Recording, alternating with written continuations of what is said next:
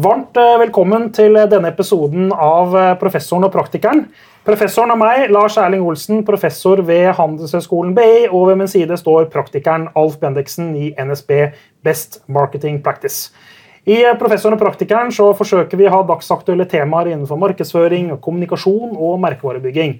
Og I dag skal jeg love dere at vi har et brennhet og svært dagsaktuelt tema. Dag Solstad han er eh, kjent, veldig kjent for en roman som heter 'Gymnaslærer Pedersens beretning om den store politiske vekkelsen som har hjemsøkt vårt land'. Og eh, Det er litt forunderlig, men det går også nå en politisk vekkelse over det norske merkevaremiljøet. Og jeg snakker selvsagt om Ehrenberg Bass, Baron Sharp, distinkte merkemarkører, inngangsporter og ikke minst den hellige kanon selv, mental tilgjengelighet. Og Det er jo mange i bransjen som bekjenner seg sterkt disse teoriene og, og, tror mye på dette, og det har også utvilsomt for mange skapt en stor suksess. Men betyr dette nye at vi skal kaste over bord gammel klassisk kunnskap om Kotler og Keller og den type ting? Skal vi liksom droppe mange tiårs merkevareforskning og tro på alt som kommer fra Australia? Det er liksom det store spørsmålet. Eller er det som kommer fra Einberg Bass, egentlig eh, gammelt innhold på, på ny flaske? Og Vi skal ta denne diskusjonen, i hvert fall deler av denne diskusjonen i denne utgaven av Professoren og praktikeren. Og med oss for å hjelpe oss med dette har vi tatt med oss eh, markeds- og innovasjonsdirektøren i Grilstad, Ragnar Johansen. Så velkommen til oss, Ragnar. Takk. Og eh, Ragnar, nå hørte du innledningen min om eh, den politiske vekkelsen og den hellige kanoen. Er Ehrenberg, Bass, Sharp, EB, Sharp er det en ny måte å tenke på? Eller hva tenker du? det jeg sier? Jeg tenker at vi har jo vært gjennom noen generasjoner av eh, teorier, rammeverk, modeller for å tenke marketing. og jeg tror Hvis du ser litt tilbake da, fra Reason Trout og de 20 immutable laws of marketing som gjaldt en gang, så tror jeg at for at vi praktikere eh, skal klare å håndtere det, så må det være en slags konseptuell overbygning rundt det. Vi må ha et sett av begreper og verktøy som vi kan bruke. Og det leverer jo eh, Enberg Bass, eh, med mental tilgjengelighet og hvordan man jobber rundt det. Mm. Det de i tillegg gjør, er jo at de jobber evidensbasert. Ja. Så kan man eh, sikkert diskutere hvor akademisk suksessfulle de er, men det de gjør, er jo å forankre modellen sin og den konseptuelle rammeverket i håndfaste publikasjoner og i, i, empiri som det går an å etterprøve og, og overprøve. Ja. Og det gir det jo en annen troverdighet, uh, i hvert fall på, for min del, enn uh, de tidligere modellene. Ja. Men, men altså, jeg, jeg ikke, det går ikke an å være uenig i det du sier nå. Altså, det er jo fornuftig, det du sier mm. nå, men, men, men, er ikke det litt undervurdering av norske markedsførere å si at de klarer ikke å tenke komplekse tanker, så de må ha en enkel modell å forholde seg til? Dette er jo høyt utdanna folk. Eh, gått eh, mange år på universitet og høyskoler. Vant til liksom, å, å, spille deg ulike teorier som sier forskjellige ting, tenke selv og sånn. Er det ikke litt undervurdering å si at vi må ha den ene modellen som skal liksom løse ting for oss? Nei, jeg tror alle, Det er jo ikke den ene. Det er jo andre ting vi jobber med som ikke, ikke har med dette å gjøre, og som ikke er styrt okay. av den modellen. Sånn som på innovasjon, f.eks., som Enberg Bass går veldig lite inn på. Ja. Eh, men for selve kommunikasjonsstrategibiten av markedsføring, og hvordan vi tenker å jobbe med det og forstår forbruker, så, så trenger vi jo modeller. Og det er jo ikke noe, noe, nytt. Ser du tilbake igjen i historien, så har, har det alltid vært. Mm. Men, men, det har vært ganske typisk at det vi har sett, har vært konseptuelt, men ikke eh, empirisk fundamentert. Nettopp, ja. Og det tror jeg vel Ja, det er bare kan ta en tilfeldig valgt Mark Ritson-episode eller eh, kommentar på, på Marketing Week, så finner du mye eksempler på at uh, Nei, vi skal kanskje være litt skeptiske til uh, realitetsorienteringen i egen bransje. Ja, Men uh, greit, men hva Nå kommer vi å diskutere, og skal ikke gå inn på det, og diskutere om tidligere modeller alltid har vært så konseptuelle ikke vært evidensbasert, mm. de òg, men det er en annen diskusjon. Men jeg har lyst til å spørre deg om en annen, en annen greie. da. Det nye vi snakker om nå, og nå vet jeg at nå maler vi med bred pensel, det er mye forskjellig her. altså Det er jo ikke én ting de sier, det er mange ting. Mm. Uh, men hva er egentlig, og du har vært i bransjen i mange år og jobbet ja. med markedsføring i veldig mange år, mm. hva er egentlig nytt? Hva er det du gjør annerledes i dag kontra du gjorde for ti år siden? eller ja, noe sånt? Vi er jo Utgangspunktet for markedsføring så lenge jeg har jobbet med det, eller i hvert fall merkevarebygging, det er jo at merkevaren eksisterer inni folks hode. Og Det har vi visst og snakket om i lang tid. Og så er det jo hvordan jobber vi med det? Det er tilbake til 55, faktisk. Ja, og, det, og det er ikke så mange av oss som er psykologer, og det er få gode psykologiske innfallsvinkler til dette. Et av de er jo Kahneman, som sier at hjernen er lat, og, og vi spiller på, måte, på, den intuitive og emosjonelle banehalvdelen når vi jobber med markedsføring mm. og valg folk tar om markedsføring. Eh, det, I mitt hode så er det Enberg Bass gjør, er å sette det i et system som gjør det operasjonaliserbart. Det gjør at mental tilgjengelighet, kategoriinnfallsporter, merkemarkørene vi bruker i pakninger og i kommunikasjon, det er håndfaste eh, elementer som det går an å jobbe med. Det går an å videreutvikle, det går an å måle det. Så er det så enkelt at det er systemet, de setter i system, og at det er noen veldig sånn enkle og tydelige begreper. Er det det som er det nye, eller er det, er det faktisk nytt innhold i det òg? Altså, jeg skal ta et eksempel. Når du sier mental tilgjengelighet, Ja. som er et veldig viktig begrep. Ja. Det er et begrep jeg skrev doktorgrad om i 2009. Mm. Det er et begrep som har vært i psykologien siden Allport på 30-tallet. Under andre ord. Mm. Ja. Selvsagt. altså Ja. Mental tilgjengelighet da fant Ja. ikke de på. Allport snakket om salience. Ja. Salience and memory. ja. Og salience er Men også men- et begrep som eh, vi gjerne bruker. Ja, det, det, er- det er et psykologisk begrep, egentlig, egentlig ikke et markedsføringsbegrep. Men, og, det ikke, og det er egentlig ikke fordi jeg er uenig. Altså, jeg er helt enig at mentalt tilgjengelighet er viktig. Jeg kjøper, det, jeg kjøper fullt ut det som Brian Sharp og gjengen snakker om det. Ja. Men det er ikke de som vant det på. Nei, nei. Men de har popularisert det. Men det, er jo, det- det, skal jo vi som markedsførere da ikke undervurdere verdien av. Fordi det er jo når folk eh, faktisk agerer på det, at, vi har fått, eh, at, at du får eh, effekt. ikke sant? Men jeg må presse deg litt til. Hva Ja. er nytt? Altså, Se bort ifra ordene er nye. Hva er nytt innholdsmessig? Er Et eksempel på hva som er nytt, er jo for eksempel dette med posisjonering da, versus det å være unik, distinkt og gjenkjennelig.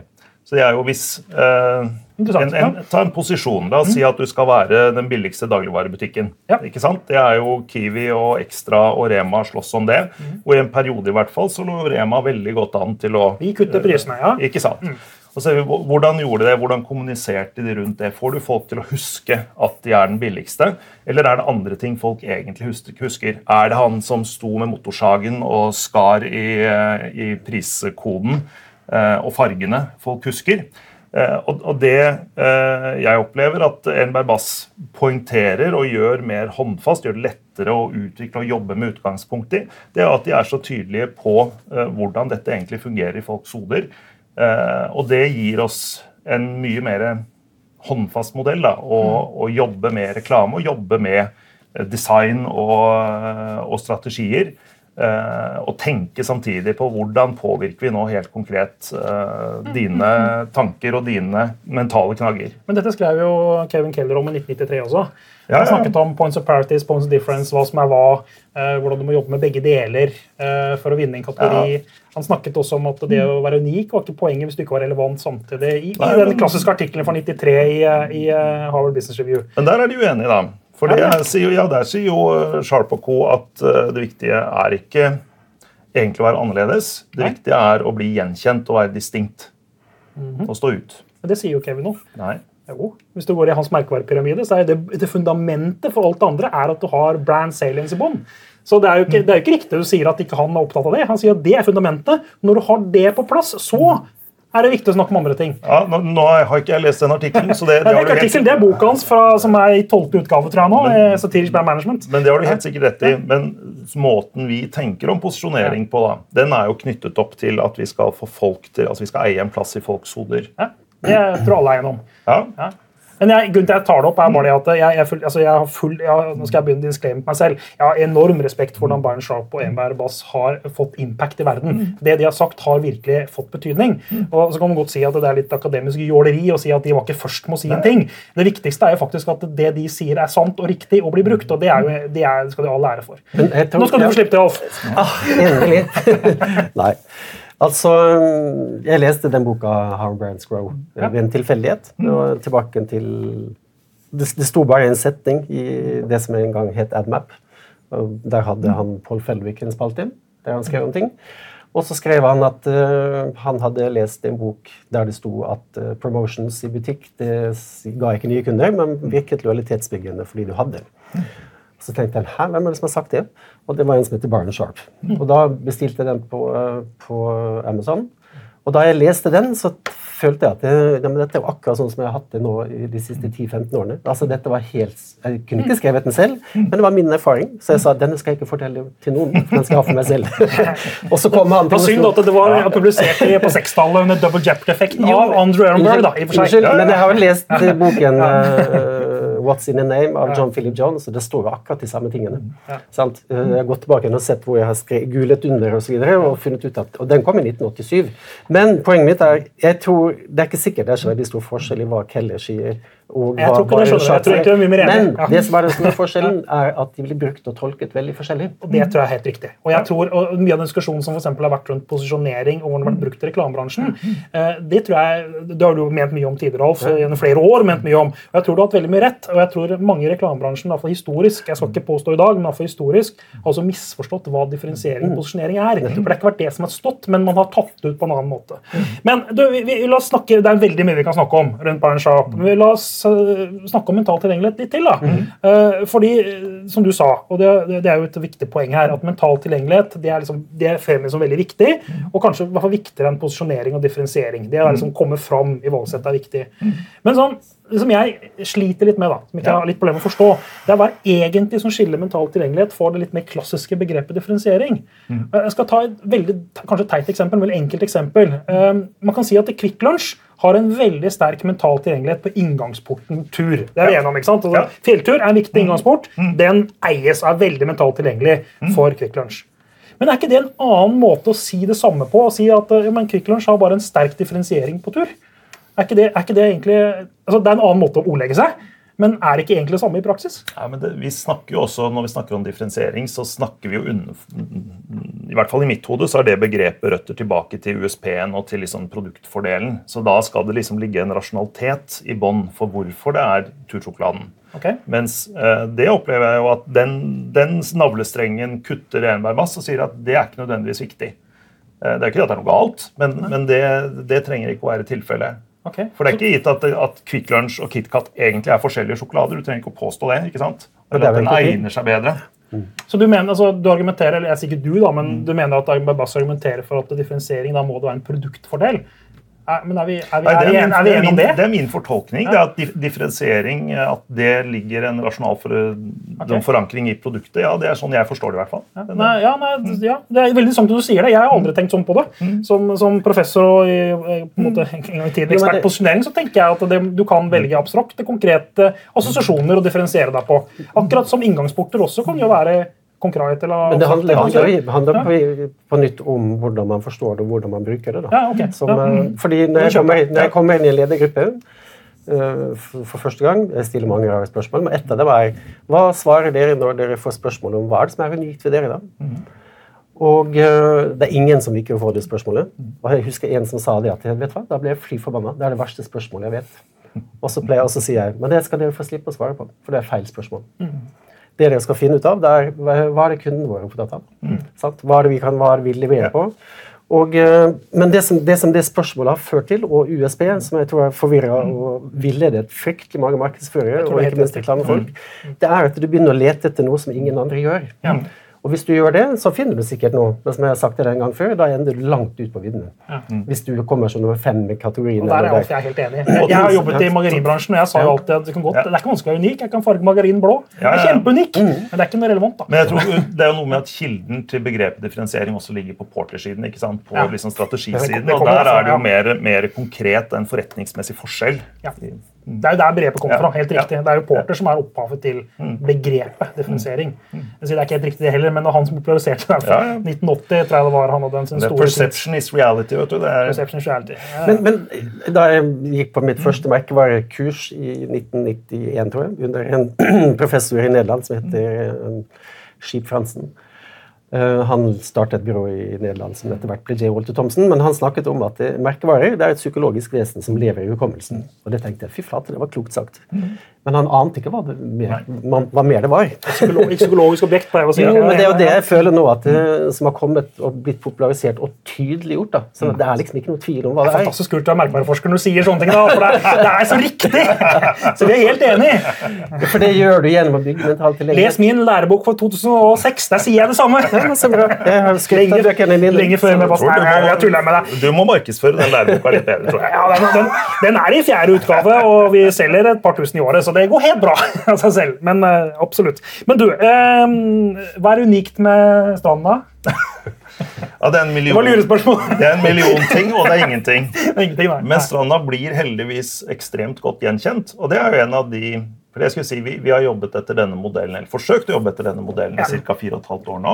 Og vi, har hatt, eh, vi var nok tidlig ute i Norge og hadde en veldig bratt læringskurve. Og selv om som du utvilsomt har rett i at Kimen til alt dette var selvfølgelig sant og kjent fra før, men det var veldig nytt å jobbe konkret og håndfast etter det. Så det første vi gjorde, var jo å måle hva er våre distinctive brand assets. ikke sant? Hva blir stranda kjent igjen for? Er farve nok alene, eller trenger du det? Liksom, er logoutformingen det at den ligger som bokstaver på en fri bakgrunn istedenfor på et panel? ikke sant? Da gjør det den. Og, og, og, det var jo fantastisk lærerikt. hvor jeg så at Jo Stranda er faktisk veldig distinkt og unikt og blir kjent igjen umiddelbart. Har det fungert, I, I, motsetning i stor grad til, til Grilstad. Fungerer det? Har du fått resultater tenker du, etter at dere har vridd litt på arbeidsmåten internt? Jeg er ganske sikker på at vi har resultater av det, men jeg har ikke noen voldsom skryteliste. Og vi har også gjort mange feil som jeg tenker at vi, vi kommer til å gjøre mye bedre i neste omgang. Eh, og så har det jo vært eh, ikke helt normale år de siste to-tre årene. Men, men, eh, jeg er i sum godt fornøyd, uten at jeg har noen voldsomt imponerende skryteliste. Tør du å avsløre hva som er da? Har du lyst til å fortelle oss hva de har gjort gærent? Nei, jeg, det, Så at andre kan lære av deres erfaringer? Det, nei, men det er, det er, så mange småting. Jo, men la oss ta den, da. Den, ikke denne stranda, som er jo en aldeles strålende reklamefilm etter de aller fleste uh, målemetoder, mm. bortsett fra én. Ja. ja. Den adresserer ingen kategoriinnfallsporter.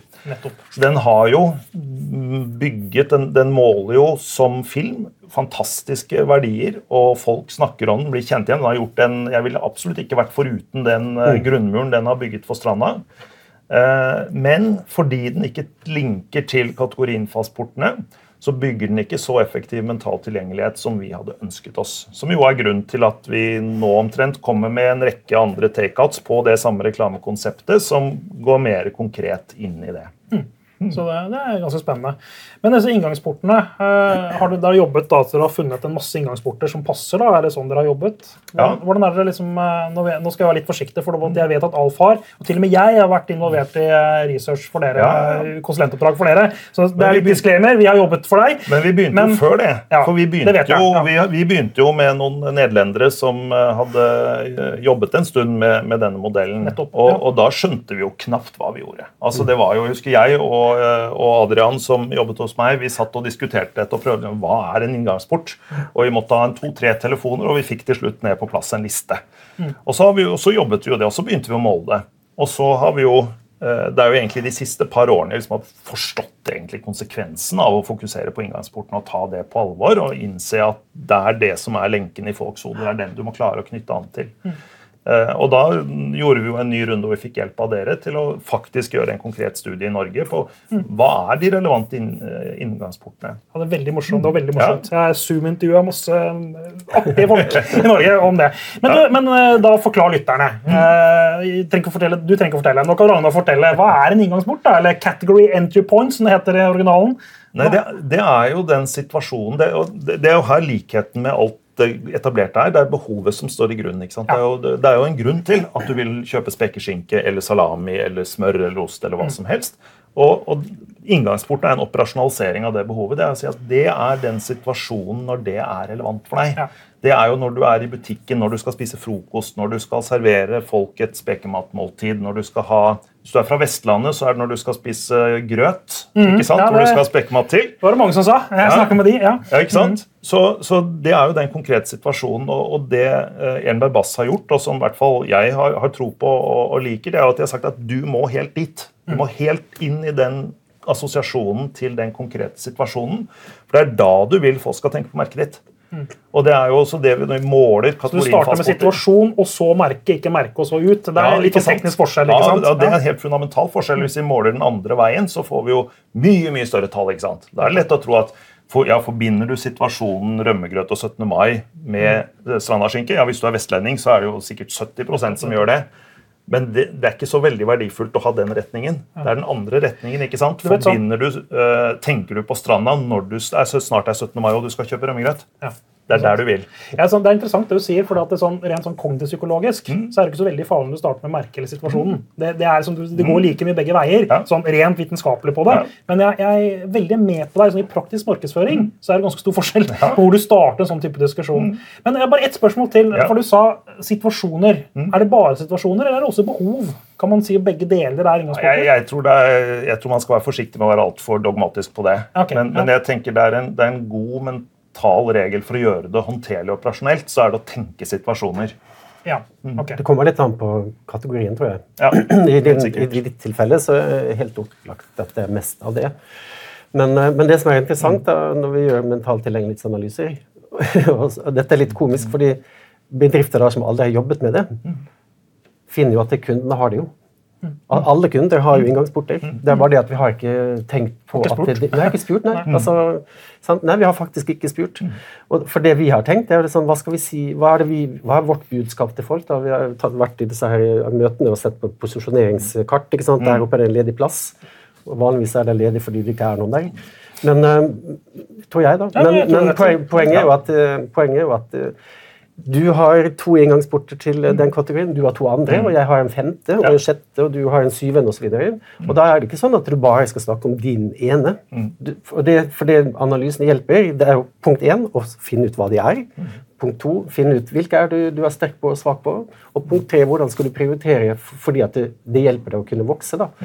For Hvis det er en stor inngangsport som ingen forbinder med stranda, og du har alt, alt som skal til for å bli forbundet med den, så ligger det et stort vekstpotensial. Hvis flere begynner å tenke på stranda i de situasjonene, eller med de behovene, så vil flere kjøpe stranda når de er i Men det er ikke poenget med, med Bayern Sharp at du skal eie flest mulig inngangsporter? Er ikke det liksom uh, Ikke litt sant for død og liv. Det kommer Nei, litt an på størrelsen okay. på markedet. Der jeg misforstått. Jeg tenker, det er jo Når vi forsøker å måle dette, så kaller vi det jo ofte salience. Men, men hvis du skal operasjonalisere det, så kan du jo si at det er en slags mental markedandel. Hvis du har definert alle de inngangsportene som er på en måte relevante for ditt merke, og så kan du jo, og så måler du jo både deg og konkurrentene, ikke sant? og så sier du at ok, da summen av alt eh, Du kan jo vekte det også på hvor vanlig er disse situasjonene, men, men sånn helt enkelt brutto, eh, summen av alle lenker i hodet på folk er jo kanskje et bedre mål. da.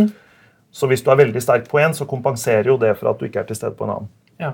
Men svar på Og det er jo spørsmålet sånn sett nettverksteori i klassisk forstand. Ja, Jeg er enig. Ja. Ja. men, men det vi ser da, det er jo at de merkevarene som er størst, de er jo forbundet med flest inngangsporter. Ja, Det er jo denne double jeopardy-effekten eh, Ja, sikkert uh, i praksis. Men, men, og det er ikke fordi at de har gjort det, men det er fordi at det, kun, det er faktisk flest kunder som forbinder dem med flest inngangsporter.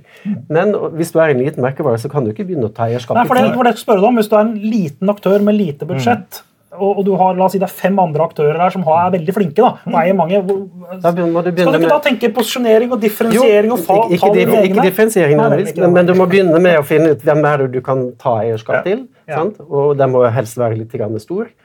Og så når du, å, når du begynner å bli forbundet med den, så kan du ta med deg den for å ta en til. Og da eier du den. Ikke Hvis du er- men du har størst andel av den. Ja, men, ja, andel av den. men Eie er jo et relativt begrep, men du har størst andel. Du eier den litt mer enn de andre. Da Ja, Ja. Og da har du jo differensiert posisjon. Ja, Hvis det er en differensiert posisjon, så er det greit. Ja, i min synes- mening er det det. Ja, men jeg, jeg tror det er det Mark Ritson kaller for relativ posisjonering. Eller relativ Jeg tror. Mark Ritson er sånn båttiffe, så han, han sier at begge deler er viktige, men, eh, men vi skal ikke gå inn på Mark akkurat nå. Eh, kjempe, ja, ja. Nei, altså Jeg lærer masse jeg snakker med om disse tingene, her, så jeg synes det er veldig, veldig bra. Hva er neste trenden, da? Nå har vi hatt Barlen Sharp noen år. Før det hadde vi John Philip Jones. Vi har hatt eh, ja, Mutable Laws of Marketing, som du nevnte. Ikke sant? Vi har hatt mange forskjellige sånne ting. Eh, hva, er, eh, hva tror du? Tror du? Tror du dette er det siste nå, og så er vi der? Nei, jeg, men jeg håper jo at de neste trendene også vil være evidensbaserte. At det vil være et krav til vitenskapelighet og etterprøvbarhet som ligger i bunnen i, i mer av det. Og hvis du ser tilbake igjen da, de siste ti årene, så, så er det jo på sin plass å trekke Jeg nevnte jo Kahneman, som jo er psykologi, men som er åpenbart kjemperelevant for merkevarebygging. Og du har jo også Field og Binett, som skrev denne Ja. The Long and the Short of It. som En periode du ikke fikk cases inn, det ikke var Benett eller Field var referert. Men det, det har faktisk endra seg litt. Det siste. Ja. Men, men det er jo en, også en veldig sånn håndfast og godt dokumentert uh, sannhet. Så jeg håper jo at vi vil se at det bygges ut, at det kommer nye ting, men at de i større grad blir etterprøvbare og, og knytter seg opp mot dette. Ja. Så Det syns jeg, ja, det synes jeg er veldig flott at du sier at vi skal ha en vitenskapelig. Jeg kom på bare en ting, Det er en litt sånn digresjon, men jeg synes den er litt interessant. Det er en, en, en, en psykolog som heter Philip Tetlock, som for mange år siden snakket om at det er mange år siden 80-tallsforskning dette her, snakket om at det finnes to personlighetstyper. så Henter han det fra noen sånne gamle grekere, og så snakker de om at det finnes pinnsvin og så finnes det rever. Det er de to personlighetstypene vi har. Det er litt artig. Og, og pinnsvin de er ideologene. De som sto på den store ideen. Altså den, sånn, De har den store ideologien. Typisk er det sånn gamle marxister. ikke sant? De er pinnsvin. Og så har du The Foxes, altså revene. De er veldig sånn tilpasningsdyktige. De henter informasjon fra ulike kilder og har ulike teorier og modeller. Og det Philip Tetlock finner da, i den store studien, da, er at han, hvem er det som predikerer virkeligheten og fremtiden best. Ja. Og hvem tror dere vinner? Det er sikkert revene. Ja, alltid revene! ikke sant? Fordi revene henter for mange steder. Og, og Nå skal ikke jeg trekke strikken for langt, men for meg er litt sånn veldig sånn når du nærmest sier at Bayern Sharp med bass, det er lover, da er du et jævla pinnsvin. Mens eh, revene er de som sier at ja, dette er veldig interessant, og så er det noe annet interessant her borte, og så har jeg en 3D-modell der. Og det er litt det du sa om at innovasjon for eksempel, kanskje må få litt andre regler. Ja. Og, Og du, du er en rev, som jeg tenker på. men. Tet- det håper jeg, men Tetlock er jo da selvfølgelig falsifisert. For vi vet jo nå at det er de fem store som er eh, nøkkelen til personlighet. Jeg tror det var en litt mer retta forskning på Tetlock i sin tid. Jeg tror ikke det var et kritikk eller en, et forslag på, en forsøk på å erstatte fem store. Altså. Det tror jeg ikke det var. Men, eh, men eh, nok om det. Ja. Men du er, du er en rev? Det håper jeg. Ja.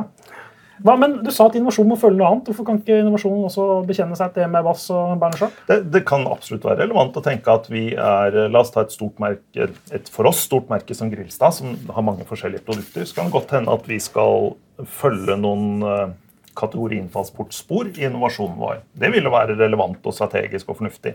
Men eh, når det kommer til liksom selve hva er den beste salamien, hvordan gjør vi det? Hva slags konsistens, tekstur skal ha den? Hvor, hvor grov skal den være versus fin? Hva slags type smaker vil vi ha?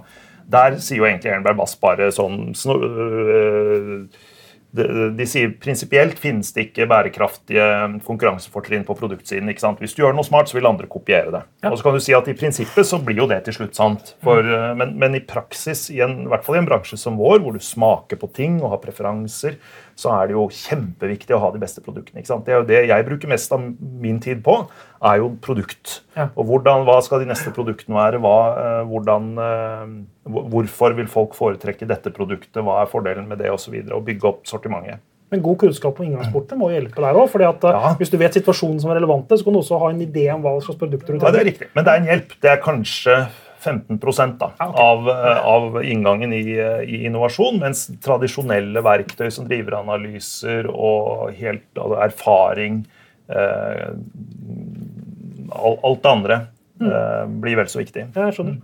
Men eh, fysisk tilgjengelighet, da? Det er jo også viktig. Ja, absolutt. Eh, men tenker dere, Hva slags konsekvenser har det for dere i forhold til merkearkitektur? og sånn? Dere opererer jo med flere brands, og dere har underbrands, og ja, Jubel har dere, og dere har mye rart. Det, det er to ganske forskjellige spor. Ja. Fysisk tilgjengelighet som sådan, det er jo noe vi som relativt stor aktør i Norge, i hvert fall på dagligvaresiden, har på en måte luksusen at vi kan tenke at det løser vi. Vi er til stede i alle tre kjeder og, og, og har en god salgsavdeling og kamavdeling som på en måte håndterer det.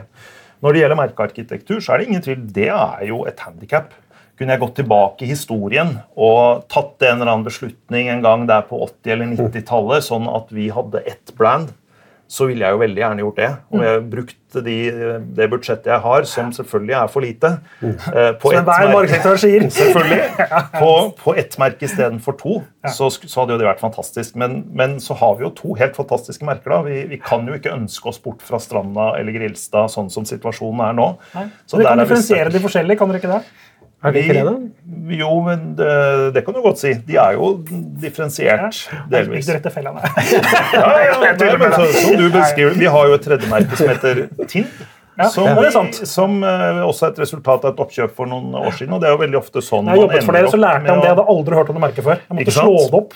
Ja. Nei, det er sier noe om helt- meg, kanskje. Ja. Nei da, du er, det er rundt 50 kjennskap Mm. i Ulpen. Og det er ganske lavt for en, en dagligvare. Men det er et godt eksempel på et merke som det skal veldig mye til å på en måte begynne å investere i massemarkedsføring for. ja, ja. Men eh, i Norge er det jo sånn at det eksisterer en superpremium-nisje innenfor spekemat. Og den er kanskje ikke stor nok til at du kan finansiere TV-reklamer og, og storskala merkevarebygging, men eh, den er til stede i alle butikker. Så det er jo absolutt en relevant nisje for oss å være til stede i. Og eh, da har vi jo denne, dette Tinn-merket som har en, en relativt motivert brukergruppen. Holdt jeg på å si lojal, men lojalitet eksisterer Ja. som vi vet ikke. Nei, det var det jeg skulle spørre deg om. Ja, du, er, du er på tynn is nå. Men, for det er jo ganske interessant. Vi snakket litt så vidt om en double jeopardy her i stad. Men, men uh, i en Berbass-doktrinen så sier man at man skal fokusere på penetrasjon for vekst, og Ja. lojalitet det er på en måte i utgangspunktet ikke en relevant begrep lenger. Uh, I og for seg ikke så overraskende, for det, det er faktisk tilbake til Andrew Ernberg selv. Han hadde en artikkel på sekstallet om det. Jeg husker vagt at vi hadde den på et doktorgradskurs uh, på NHH. Jeg gikk der, men det er en, en annen historie.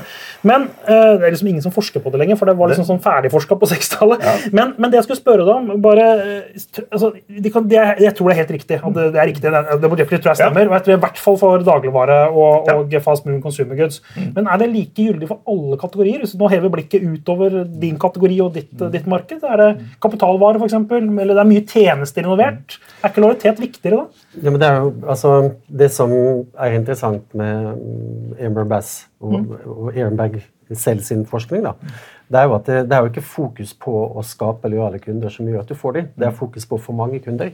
Så kommer de. Så kommer lojalitet som konsekvens. Ikke sant? Fordi Jo flere kunder du har, jo flere selvfølgelig, men ikke minst jo større andel lojale kunder har du enn mindre merkvarer. Og Det er det som er det nye i det. Jeg, da jeg jobbet i byrået, det var mange kunder som kom til oss annonsører som sa nå skal vi lage en kampanje som skaper lojalitet, og vi kjørte i vei. ikke sant?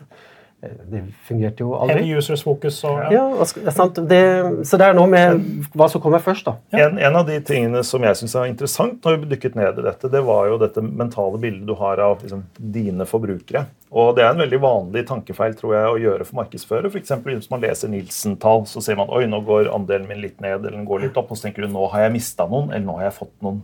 Men det å, den mentale bildet, da, å tenke på at uh, brukerne dine det er en lekk bøtte. Den lekker hele tiden. Du mister hele tiden bruket. Så hvis du har like mange du har like mange i desember som du hadde i oktober, så har du mista noen, og så har du fått noen. Og da må du hele tiden, så Jobben din er å fylle bøtta, og det er det uansett. Og Klarer du å fylle mer enn du mister, ja, da får du vekst. Ja, Leaking bucket-metaforen er jo Ja, urgammel. Den, Ja. Jeg tror min kollega Fred Selnes har snakket om det i 30 år. Ja, 40 kanskje. Eh, Men det er, jo, er det, det er jo det der. det er penetrasjonsfokus.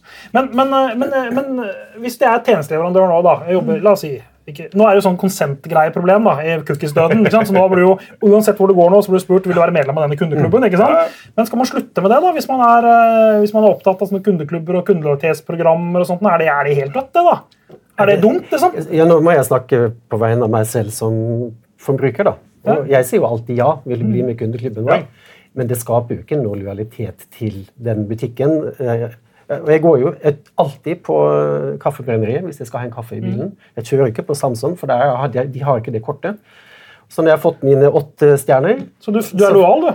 Ja, ja, men dette er jo selv, altså Jeg gjør ikke fordi at jeg er glad i dem. Jeg gjør for, bare for at datteren min skal få det kortet. Men lojalitet betyr ikke til å være glad. Nei, Du Nei, men jeg har en datter, jeg har en datter som eh, er student, og hun får mitt, uh, hun får, hun får mitt kort på kaffebrenneriet når jeg har Nå viser eh, han kortet for dere som ikke ser. det. ikke ser.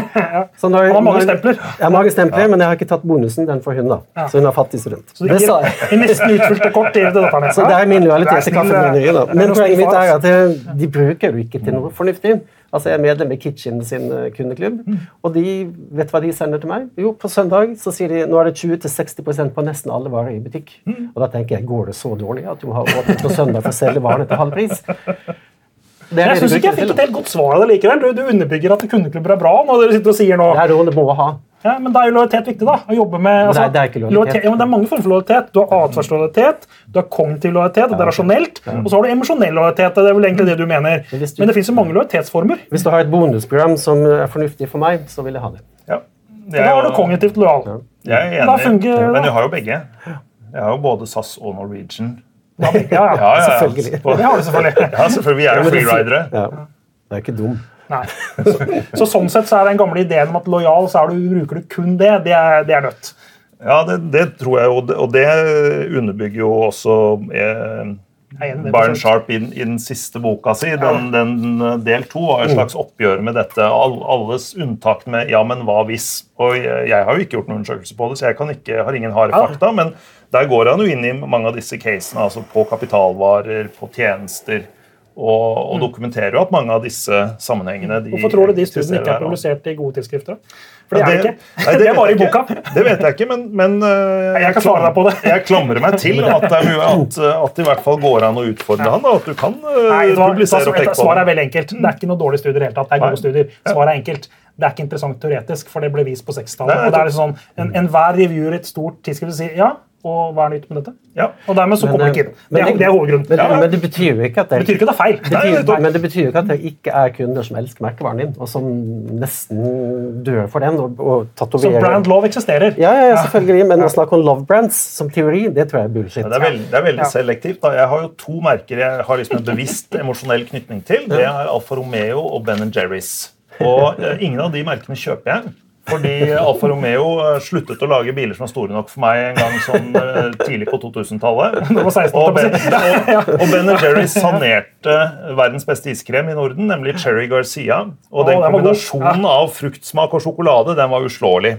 Mens nå er det bare varianter over temaet sjokolade og karamell, og det liker ikke jeg. Så begge de mine to uh, merker som jeg elsker og velger aktivt å følge på Facebook, Men de, nostalgien er der. de kjøper jeg ikke. Så når du kommer med limited edition av Cherry Garcia, så står du der i første køen. Ja, jeg var flere ganger på sjappa deres på Karl Johan og kjøpte en sånn femlitersbøtte, faktisk. Og du er der, ja. Ja, ja, ja. Stor fryser. du. Det var ikke nok. Det var ikke nok. Oi, oi, oi. Ja, det er veldig, veldig bra. Ja, Hva har vi ikke snakket om nå, Alf? Hva har jeg ikke radbrukket så langt? Eller prøvd å radbrekke. Jeg har ikke truffet på alt. Nei, jeg synes ikke du har noe Nei, jeg har ikke det. Vi, var, vi, var, vi, er, vi er veldig enige. Men jeg har et spørsmål til deg Ja. på- akkurat på innovasjon. Da. Ja. Fordi det har, for det første, da, det er jo altfor mye innovasjoner i Norge i dagligvaren. Det kommer Ja. jo altfor mye skitt eller som ikke er bra. Du har fortalt at dere har nå ganske høy eh, hit rate. som er eh, tydelig at dere jobber veldig bra med det. Men det er veldig mye fokus på å lage et produkt som er bedre. Så det syns jeg, da, som forbruker, ganske lite som gjøres på emballasje. Pakning. Ja. Og, og akkurat det med brukssituasjoner i forhold til spekkmat, så bør det jo være masse muligheter for å lage noen smarte pakninger istedenfor disse her Alt er lik, alt, alle emballasjene som henger i hylla, er lik i mitt hode. da. Har Ja, det Jeg har ikke sett, har ikke sett det siste nå, kanskje? Nei, men nei, vi, vi har jo den åpenbart beste salamipakningen, og dette er en god anledning til å ha overtalende reklame, som vi vanligvis ikke trenger. Men eh, eh, her har vi jo levende bilde og lyd og tid. Og det er jo denne, det vi kaller bordpakningen, som er et sånt beger er med et lokk du skrur av. Den, da holder produktet seg bedre, og den er mer, tar mindre plass i kjøleskapet. Det er, alt er bra med det, unntatt én ting. Eh, synlighet i hylla. Og Det viser jo da hvor mye det slår. Så det produktet finnes. Du finner det i alle dagligvareforretninger. Kan du gå og kjøpe en sånn boks med salami. Men eh, den ser så stor ut i hylla, mens den eh, flate pakka ser så stor ut. Så den forsvinner i hylla. Nei, Jeg mener ikke at du skal lage dårlig emballasje. At, lage, at det fins masse muligheter på Jo, jo, emballasje. men, men du kan godt si at da er det jo vi som ikke har gjort jobben vår i å klare å formidle og gjøre den interessant nok, løfte den nok eh, frem. selvfølgelig. For den er fysisk tilgjengelig, men den er da åpenbart ikke tilstrekkelig mentalt tilgjengelig. Ja, det er masse god kommunikasjon i emballasje. Ja, det er klart. Ja. Så det er jo det. Vet du hva, Jeg synes det har vært en veldig bra samtale. Jeg har lært litt. Vi har oppklart noen begreper. Altså, det som jeg synes er vanskelig når vi snakker om Barn Sharp og Enberg Bass, Ja. at Jeg har jo debattert dette på alle mulige kanaler i sikkert fem år. Og sikkert mange som oppfatter meg til veldig negativ. Det er jeg egentlig ikke. for det som Problemet er at jeg er 80-90 enig. Ja. Og så er det de 20-10 prosentene jeg syns er litt vanskelig å akseptere. liksom, I hvert fall når det blir fremstilt som lover. som jeg synes er veldig vanskelig. Eh, Men eh, vi må liksom ta tak i de vanskelige tingene også, ikke bare snakke om alt vi er enig i. Men sånn er det. Men så tror jeg jo eh, at den store Det som gir Elmer Bass eh, momentum, er at de velger å gjøre akkurat det man skal som markedsfører. De tar eh, behovene til eh, brukerne sine på alvor. Og Ja. brukerne deres er sånne som meg. Og det at de velger et perspektiv på forskningen sin og hvordan de legger det frem, som gjør det håndterlig for en i min rolle, det er jo en enorm forskjell. Fremfor det å drive med utvalgte studier og eksperimenter som sikkert er riktige og verdifulle, men som eh, blir for vanskelig. Det, blir rett og slett ikke mentalt tilgjengelig for meg. Nei, Da- og Det er et veldig bra Det synes jeg var en veldig bra avslutning. Baron Sharp og antakeligvis også Mark Ritson er de beste markedsførerne av markedsførerakademikerne i verden. Det tror jeg vi er helt enige om. Tusen takk for at eh, du så på denne episoden av Professoren og praktikeren. Du har sikkert eh, mange flere spørsmål ting du lurer på rundt Enberg Bass og Sharp, så jeg er helt sikker på at det kommer vi til å komme tilbake til i en annen episode. Takk for denne uken.